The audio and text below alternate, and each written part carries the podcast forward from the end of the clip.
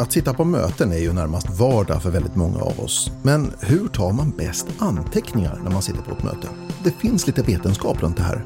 Jag heter Mats Warnolf och du lyssnar på Office 365-podden. Och vidare idag så ska vi faktiskt också prata lite grann om uppgiftshantering i Microsoft 365.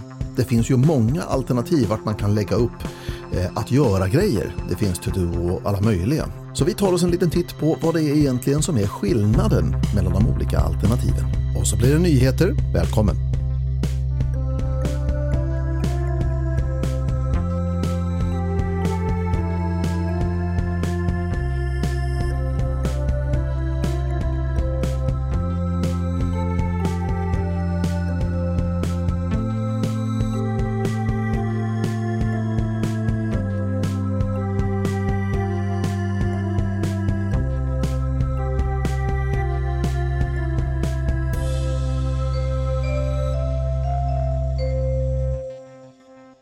Microsoft 365 är fullpackat med verktyg och ibland kan det verka som det är ett överflöd av alternativ. Speciellt när det kommer till att hantera uppgifter. I den här djungeln har vi bland annat Planner, To-Do, Project och OneNote, bara för att nämna några. De här verktygen kan vid en första anblick tyckas göra ungefär samma sak, men det finns viktiga skillnader mellan dem. Och för att förstå vilket verktyg som bäst uppfyller dina behov så är det viktigt att se två huvudkriterier. För det första, vad är syftet med uppgiftshanteringen? Är det för dina personliga uppgifter? Är det för en arbetsgrupp eller är det för ett större projekt? Och för det andra, hur avancerad behöver uppgiftshanteringen vara? Dina specifika behov och krav kommer att styra valet av rätt verktyg. Så vilket verktyg ska du välja då? Ja, om vi börjar med att jämföra med något så enkelt som papper och penna. I den digitala världen har det motsvarats bäst av att använda Outlook för uppgiftshantering. Outlook erbjöd en mängd avancerade funktioner, men precis som att hantera uppgifter med papper och penna kan bli lite klumpigt och omständigt så kan det vara överväldigande att använda Outlook för att hantera uppgifter. Svårigheten att lära sig hur man bäst skulle använda sig av uppgiftshanteringen i Outlook ledde många till att överväga att flytta uppgiftshanteringen utanför Microsoft till enklare appar på sin mobiltelefon. Men när Microsoft då lanserar Microsoft To Do så blev det en riktig game changer. Den erbjöd ett enklare och snabbare system för att hålla koll på uppgifter och det innehåller till och med ett sån här tillfredsställande pling när vi bockar av någonting. To-Do var till en början väldigt enkelt, men för de användare som tidigare använde de här avancerade funktionerna i Outlook för uppgiftshanteringen, ja då kändes To-Do lite fjuttigt kanske. Men man kan glädjas åt att många av de här avancerade funktionerna nu har införts i just To-Do. Så vad är då Microsoft To-Do? Ja, det är Microsofts dedikerade verktyg för att hantera uppgifter. Du kan skapa listor som du kan sortera dina uppgifter i. Du kan tilldela uppgifter till specifika dagar, lägga till anteckningar till uppgifter och mycket mera. Uppgifterna kan sedan synkas mellan alla dina enheter och integreras med andra verktyg i Microsoft 365. En smart funktion som finns tillgänglig i Outlook på webben är att du kan dra och släppa dina uppgifter in i kalendern för att schemalägga dem. Du går till kalendern, uppe i högerhörnet hittar du en to-do-ikon. Om du klickar på den så får du en to-do-kolumn i kalendervyn. Och därifrån kan du helt enkelt ta dina to-dos och dra in dem i kalendern för att schemalägga dem. Det här skapar dock bara händelsen i kalendern. Det finns inga tecken i to-do på att du har schemalagt den här uppgiften. Men eh, jag brukar till exempel göra det här. Jag tycker att det är så himla smidigt när man har en massa små uppgifter att kunna dra in dem i kalendern i de här hålen som uppstår mellan möten och andra schemalagda uppgifter. Microsoft Planner går ett steg vidare och är ett mer avancerat projektledningsverktyg, åtminstone för arbete inom ett team. Du kan skapa uppgifter och tilldela dem till dig själv eller till andra teammedlemmar. Du kan lägga till etiketter och deadlines och sen kan du sortera uppgifterna i olika kolumner eller så kallade buckets. Planner integreras mycket bra med Microsoft Teams och naturligtvis så är det hårt integrerat i To-Do. Faktum är att i just Teams så är To-Do och Planner en och samma applikation. Microsoft OneNote är ett annat verktyg vi kan använda för uppgiftshantering. Det är ett digitalt anteckningsblock som kan användas för att lagra egentligen alla typer av information. Du kan dra in dokument, du kan skriva ut dokument till OneNote och du kan naturligtvis klippa och klistra, lägga in ljud, bild, vad, vad du nu vill. En av de saker du kan lagra här är en lista över uppgifter och påminnelser. Och det smarta här är att uppgifterna som du lägger till ditt OneNote anteckningsblock också kan synkas med ditt To-Do och Planner. Du kan också skapa din helt egna uppgiftshantering. Och vill du göra det, ja då ska du använda dig av Microsoft Lists. Microsoft Lists låter dig definiera vilken information om respektive uppgift som du vill lagra. Du skapar helt enkelt ditt egna slags to-do kan man säga. Men när To-Do är förintegrerat med en massa verktyg så är Lists inte det. Du måste helt enkelt skapa din egen integration, din egna koppling till planners eller till vad det nu är för någonting. Och det kan du naturligtvis göra med Power Automate. Om du nu känner att du är i ett hav av möjligheter för personliga arbetsuppgifter så oroa dig inte. Vi kan kika igenom några rekommendationer. För individuell uppgiftshantering så är To-Do det mest lämpliga valet. Lätt att använda, den synkar mellan alla dina enheter och integrerar jätteenkelt i andra verktyg som Outlook och Teams. För arbetsgrupper och kanske lite mindre projekt så är Planner alldeles utmärkt. Det integrerar fint med Teams, vilket gör det enkelt att hålla reda på och uppdatera alla uppgifter. Har du däremot ett större och kanske mer formellt projekt, ja då ska du naturligtvis titta på Microsoft Project som erbjuder mer avancerade funktioner för att hjälpa dig med tidplanering, resurshantering, riskanalys, kostnader, kritiska linjer och så vidare. En nyhet inom Microsoft Project är att det nu också är alldeles utmärkt för att hantera det som vi kallar för agila projekt med kanban boards och liknande. Om du arbetar med programutveckling och använder agila metoder för det, ja, då kan du också kika lite grann på Azure DevOps. Det här eh, erbjuder avancerade funktioner kopplade till agila arbetsflöden inklusive Scrum och Kanban boards och så vidare och är mycket trevligt prissatt för det här. Microsoft 365 har ett väldigt starkt ekosystem av uppgiftshanteringsverktyg. Alla de här verktygen har styrkor och svagheter och de kan alla integreras med varandra för att skapa en sömlös uppgiftshantering i hela ekosystemet. Den stora utmaningen ligger i att välja det eller de verktyg som passar just dina specifika behov och arbetsflöden allra bäst. Jag hoppas den här genomgången har hjälpt dig att förstå verktygen bättre och att du nu känner dig lite bättre rustad att hantera uppgifter på just ditt sätt. Idag kliver vi bort från den digitala bekvämligheten och omfamnar pennans och papprets konst. Det är sant. Vi ska utforska vetenskapen bakom anteckningar och hur de kan revolutionera dina möten. Varför bli gammaldags med penna och papper? Pam Muller och Daniel Oppenheimer gjorde 2014 en vetenskaplig studie som visar att studenter som tar anteckningar för hand med penna och papper minns mer information och förstår den bättre än de som gör det med tangentbord på sin laptop. Förutom den uppenbara fördelen med att man inte kan kolla Reddit eller Twitter, för, förlåt, X, under mötet på ditt anteckningsblock så finns det andra rent kognitiva fördelar. Hur fungerar det här?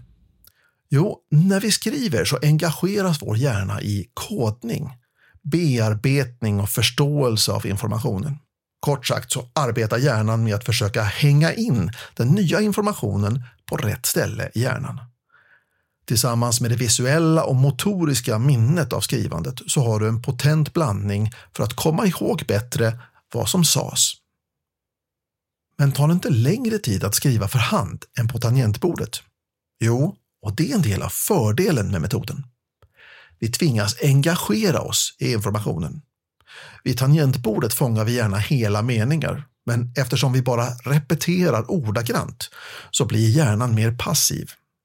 Så aktivt engagemang, det är nyckeln. Att ha handskrivna anteckningar hjälper dig att filtrera informationen, förstå sammanhangen och skriva ner huvudpunkterna, vilket ger ett bra första utkast under själva mötet. Men hur kan du göra det effektivt?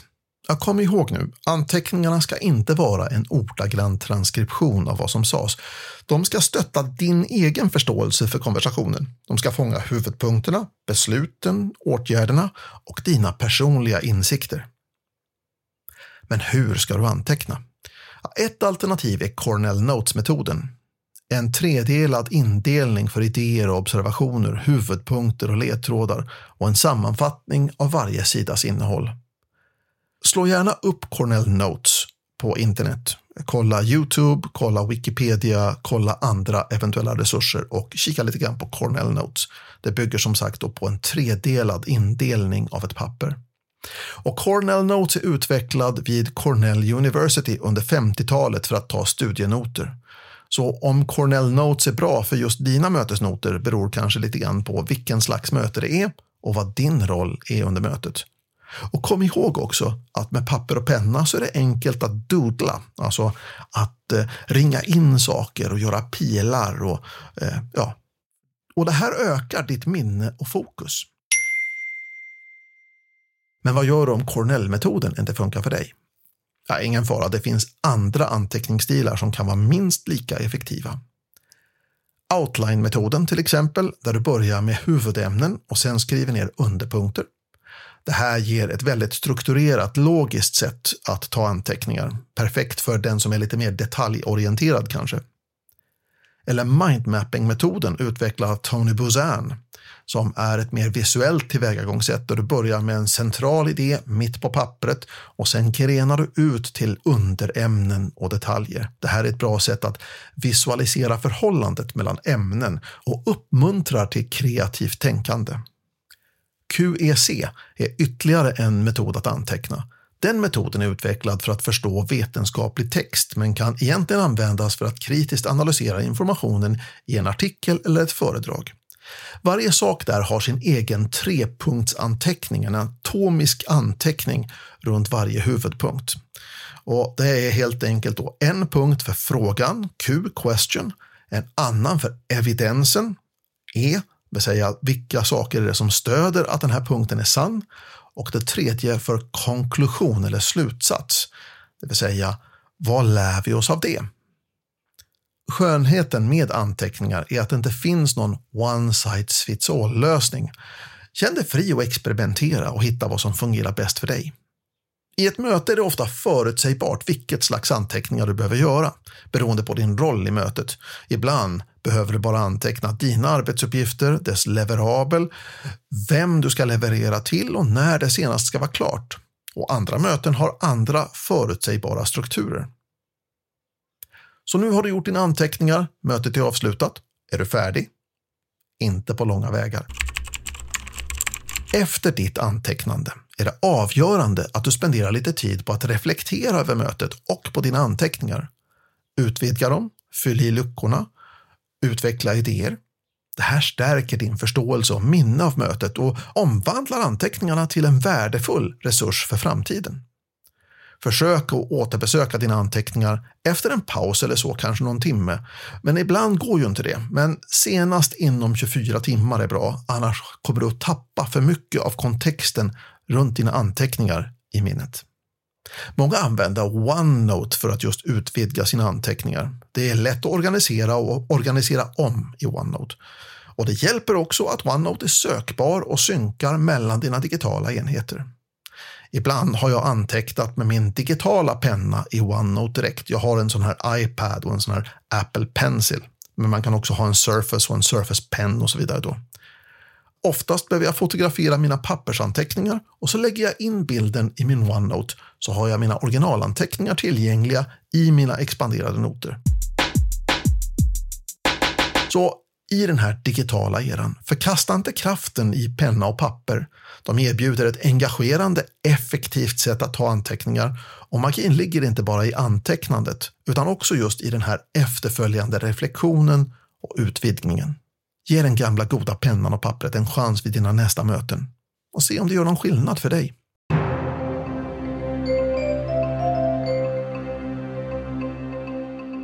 Dags för nyheter i Office 365-podden. Om du någon gång irriterat dig på att din kalender i Outlook på mobilen och Outlook på desktop inte är i synk då har jag goda nyheter. Microsoft har dragit nya kablar, rensat i rören och lyckats snabba upp kalendersynken mellan olika Outlook-klienter ordentligt. Microsoft lovar att händelser som läggs in i den ena kalenderklienten ska dyka upp i den andra nästan i realtid. Men Teams då? Ja, där med. Microsoft har redan börjat använda den här nya HyperExpress-leden för kalendersynk och lovar att din kalender också ska bli snabb som blixten senast under september. Har du gjort en superbra lista i Microsoft 365 och velat sprida den i din egen eller andras organisationer så vet du att det är lite knepigt. Typiskt har vi behövt exportera listan som en CSV-fil och sen läsa in den filen som en tabell i Excel och sen spara i Excel-format och sen skapa en ny lista från Excel-filen. Ja, alltså det här är inte helt intuitivt. Dessutom fick du pilla med all formatering i listan manuellt för den följde inte med i exporten. Men det var förr. Nu blir det enklare. Vi får nu alternativ som heter Export as CSV with Schema. Och Schema är helt enkelt definitionen av datat med all formatering så vi får med allt i exporten. Såklart kommer det också möjligheter att importera det här till en ny lista. När då? Ja, senast i början på oktober ska du kunna göra det här. Nyheter i SharePoint Online är ett superbra sätt att hålla kollegorna uppdaterade, men det finns ju organisationer som fortfarande är väldigt mailorienterade. Det finns människor som helt enkelt föredrar att få allting som mail och nu har den här funktionen landat i SharePoint, alltså att du kan skapa en nyhet på din SharePoint Online-sajt och få möjligheten att skicka det som ett mail. Du väljer helt enkelt att skapa nyheten på SharePoint-sajten och då får du lite mallar att välja på, sex stycken faktiskt. Mallarna är nyhetsbrev, händelse, statusuppdatering, process, ämne och också en helt oformaterad som du får designa helt själv.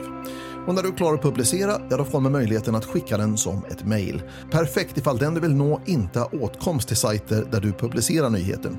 Och det här kan du börja göra senast i början på oktober. Och det var nyheterna.